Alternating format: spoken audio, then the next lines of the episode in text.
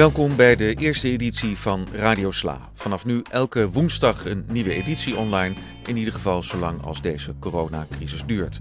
Wat kun je verwachten? Gesprekken met mensen die iets doen voor de slaaf, bij de sla werken. Deze eerste editie een gesprek met Christine Otte over Noorderwoord dat niet doorgaat. En met Lot Doeze, die een leestip geeft wat het doet bij Noorderwoord, ook altijd.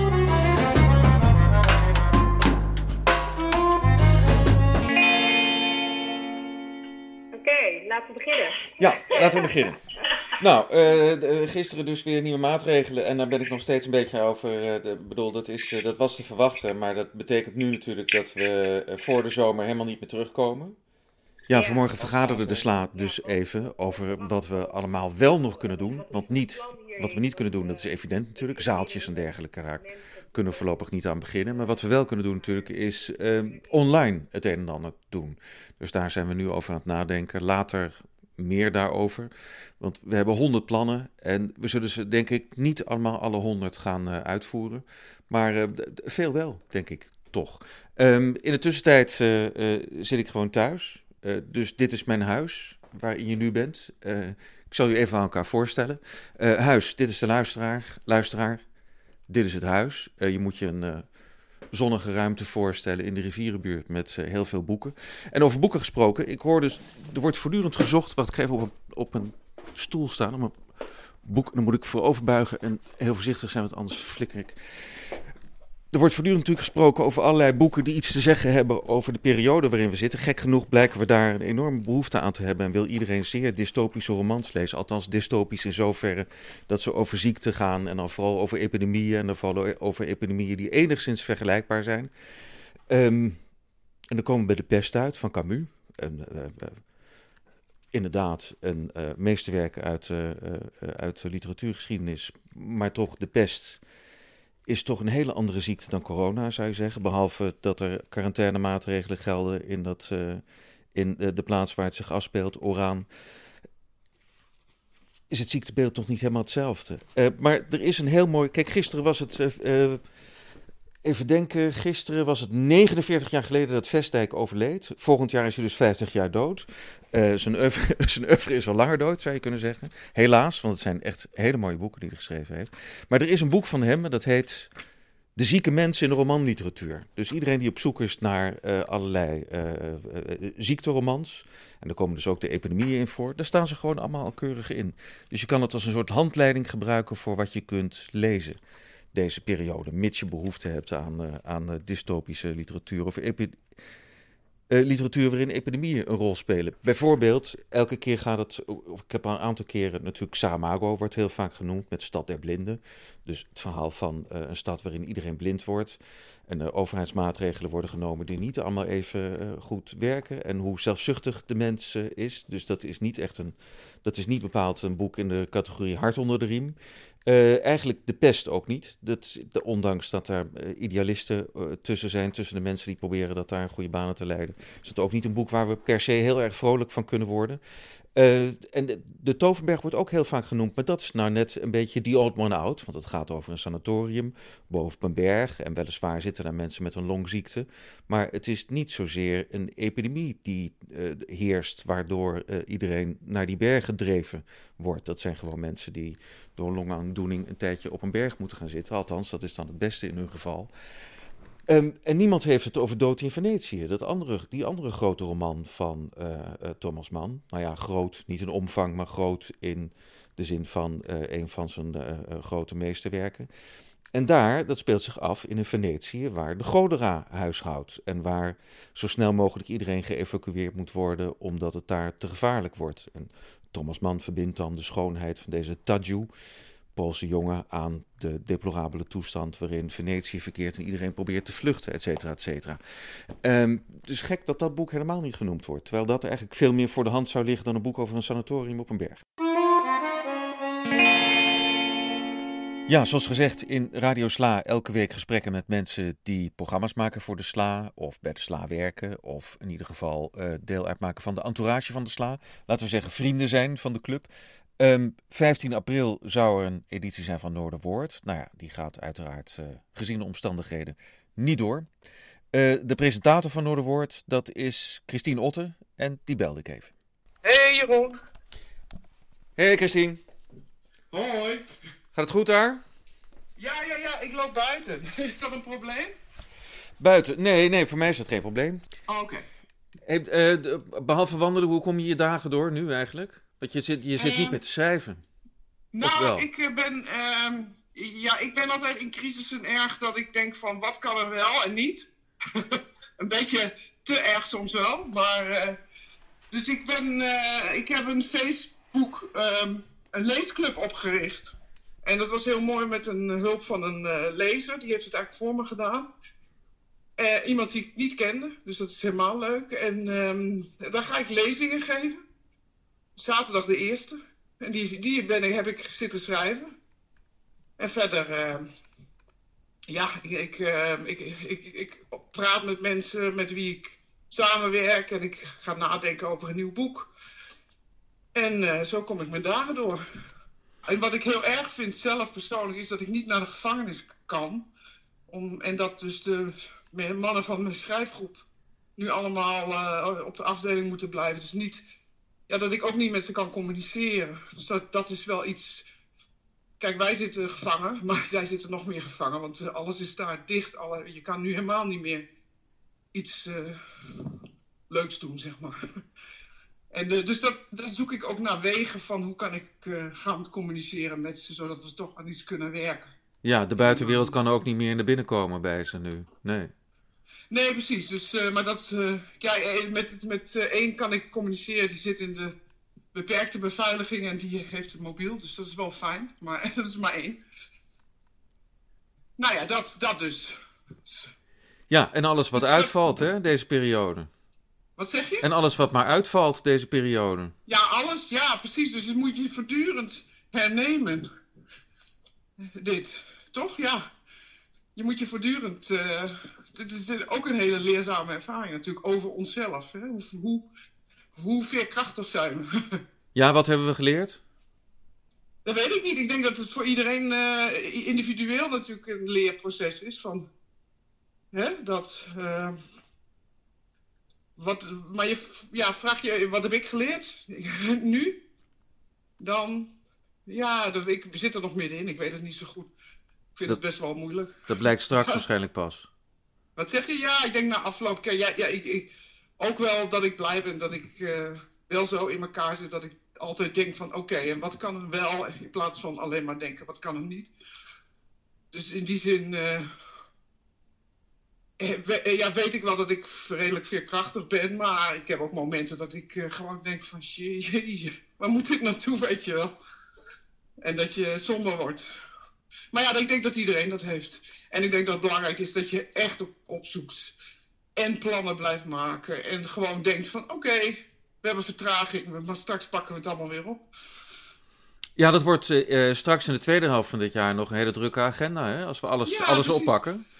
Krijgen het druk. Ja, maar dan, dan moeten we dat denk ik ook weer een beetje spreiden. Dat je gewoon niet alles tegelijk doet. En eh, gewoon, net als, als, als je ziek bent, dat kan ook gebeuren.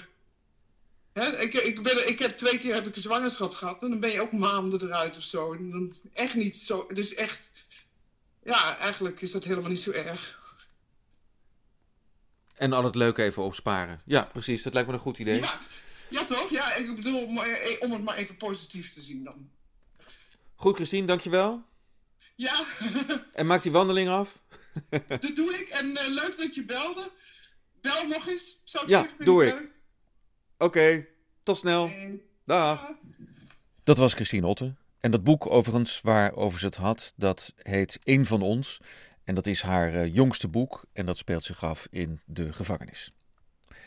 Lot Doeze is een boekverkoopster. Die heeft een boekhandel in de Van de Pekstraat in Amsterdam-Noord. Die heet Over het Water, die boekhandel.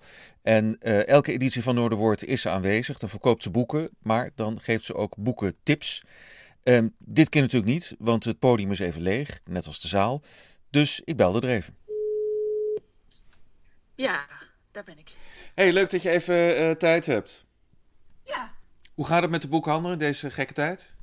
ja, het gaat eigenlijk echt ontzettend goed.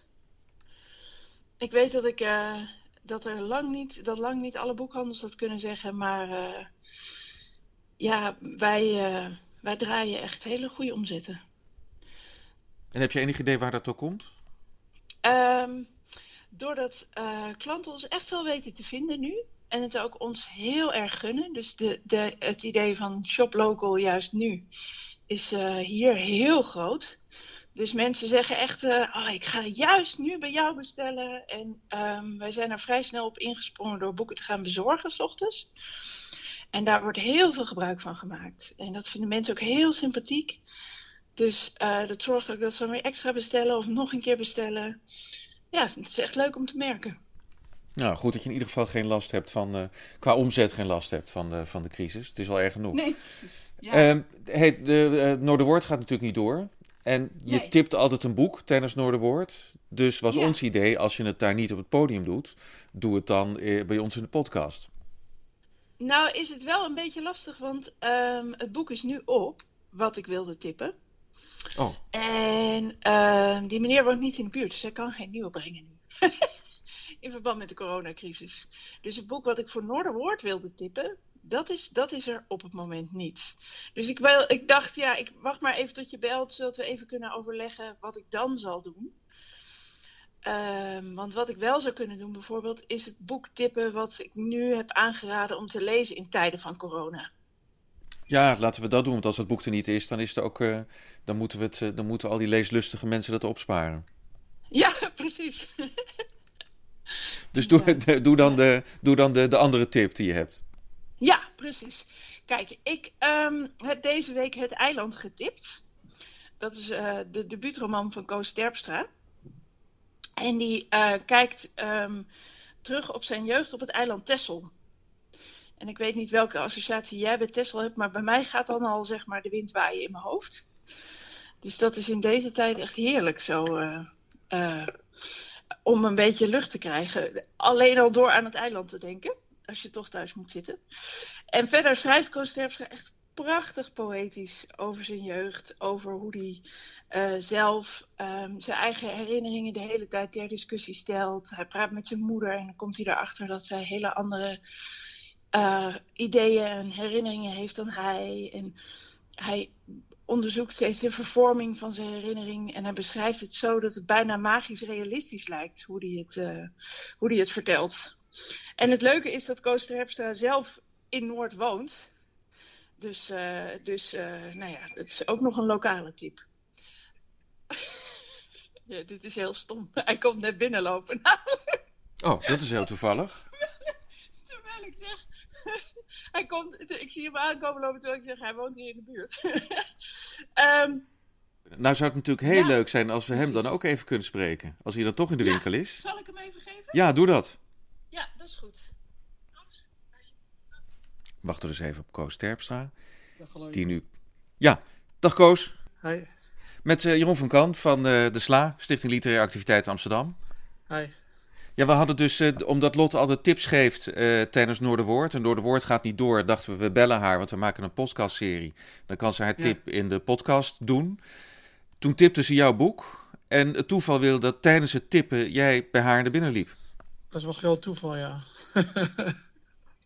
Kom je gewoon heel vaak bij haar binnen of is dit, uh, is dit, uh, is het nou, heel erg toevallig? Er zitten een paar uh, zit een plek om klavertjes 4 te stoppen. En ik had een paar klavertjes 4 gekocht, dus die heb ik even aan haar gegeven. Dus daarom kwam ik eigenlijk binnen. Ze was zeer, ik heb het zelf nog niet gelezen, maar ze was zeer lovend over je boek. Dat is heel fijn. Ik zou het gauw gaan lezen. Ja, waar, waarom moet ik het snel lezen? Omdat het een mooi boek is. waarom is het zo'n mooi boek? Dat is, ik ben precies de verkeerde aan wie je dat moet vragen natuurlijk. Ja, is dat zo? Ja. Uh... Nou, laat ik het zo zeggen, sinds het uitgekomen is heb ik per dag twee, uh, twee tot vier mensen die mij gebeld, ge-mailed of wat dan ook hebben, die mij persoonlijk gebeld hebben om te zeggen dat het fantastisch is. En dit heb ik echt nog nooit meegemaakt, ook bij al mijn toneelwerk niet. En dat had je zelf ook helemaal niet verwacht dat dat zo zou zijn? Ik wist wel dat het boek was wat ik wilde schrijven. Maar dat is wat anders dan dat andere mensen het echt heel mooi vinden. Ik heb natuurlijk, uh, wat is het, 40 toneelstukken geschreven. En uh, ik schrijf altijd wat ik wil schrijven. En de ene keer pakt het anders uit dan de andere kant. Dus er is iets tussen uh, datgene wat je denkt dat je maakt en datgene wat je maakt. Wat andere mensen daarvan vinden. Dat is best ingewikkeld. Ja, daar kun je nooit enige uitspraak over doen. Maar ja, als je... Ja, maar ja, dat als je iets maakt wat helemaal. Dat is natuurlijk het, het beste compliment wat je kunt krijgen. Is als je iets helemaal maakt zoals jij het graag zou willen. En vervolgens de, deze respons op komt, toch? Ja, dat is echt ontzettend fijn, kan ik je vertellen. Nou, geniet ervan. En uh, kijk even rond in de winkel en geef Lot maar weer. Ja, oké. Oké, dankjewel hè. Jeroen, even Hallo? een boek in een zakje doen hoor. Doe je maar rustig een boek in een zakje.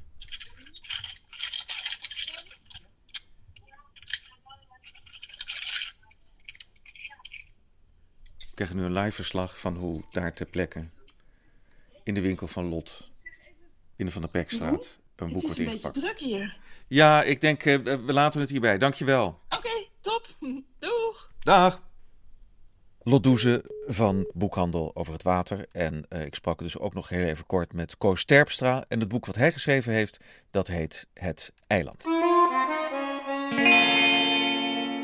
Eh, we zijn aan het einde van deze e- eerste editie. Tot besluit even een kleine... Neem ik je even mee naar deze ruimte. Dat is een toilet. Waar overigens één toiletrol te vinden valt. Neem daar een voorbeeld aan. En er ligt een boekje. En dat boekje dat raadpleeg ik heel vaak. In diverse omstandigheden. En ik kom daar ook elke keer weer bij terug. Dat is een boekje wat ik ooit voor heel weinig geld kocht. En dat bevat gedichten van Ungaretti. Eh, als je die nog niet kent, dan moet je eh, kennis maken met zijn werk. Italiaanse dichter. Een oude dichter al. Want dit gedicht is uit 1916. En het heet Heimwee. En daarmee besluiten we. Wanneer kort voordat de lente begint, de nacht aan het vervagen is en maar zelden iemand langskomt, zich boven Parijs een zwarte kleur van weeklacht samenpakt, ik in een hoek van de brug peins over het grenzeloze zwijgen van een tenger meisje, smelten onze kwalen weg en blijven we achter als waren we weggebracht. Ungaretti, dus. Een bloemlezing, heel mooi boekje als je dat vindt ergens. Kopen en op een plek neerleggen waar je vaak bent. Ehm, tot zover de eerste dus. Deze serie heeft een hele lange eindtune. Je kunt twee dingen doen. Je kunt nu gewoon op stop drukken. Of, en dat zou ik aanbevelen, je laat hem even lekker rustig, helemaal tot het einde, uitspelen. Tot de volgende.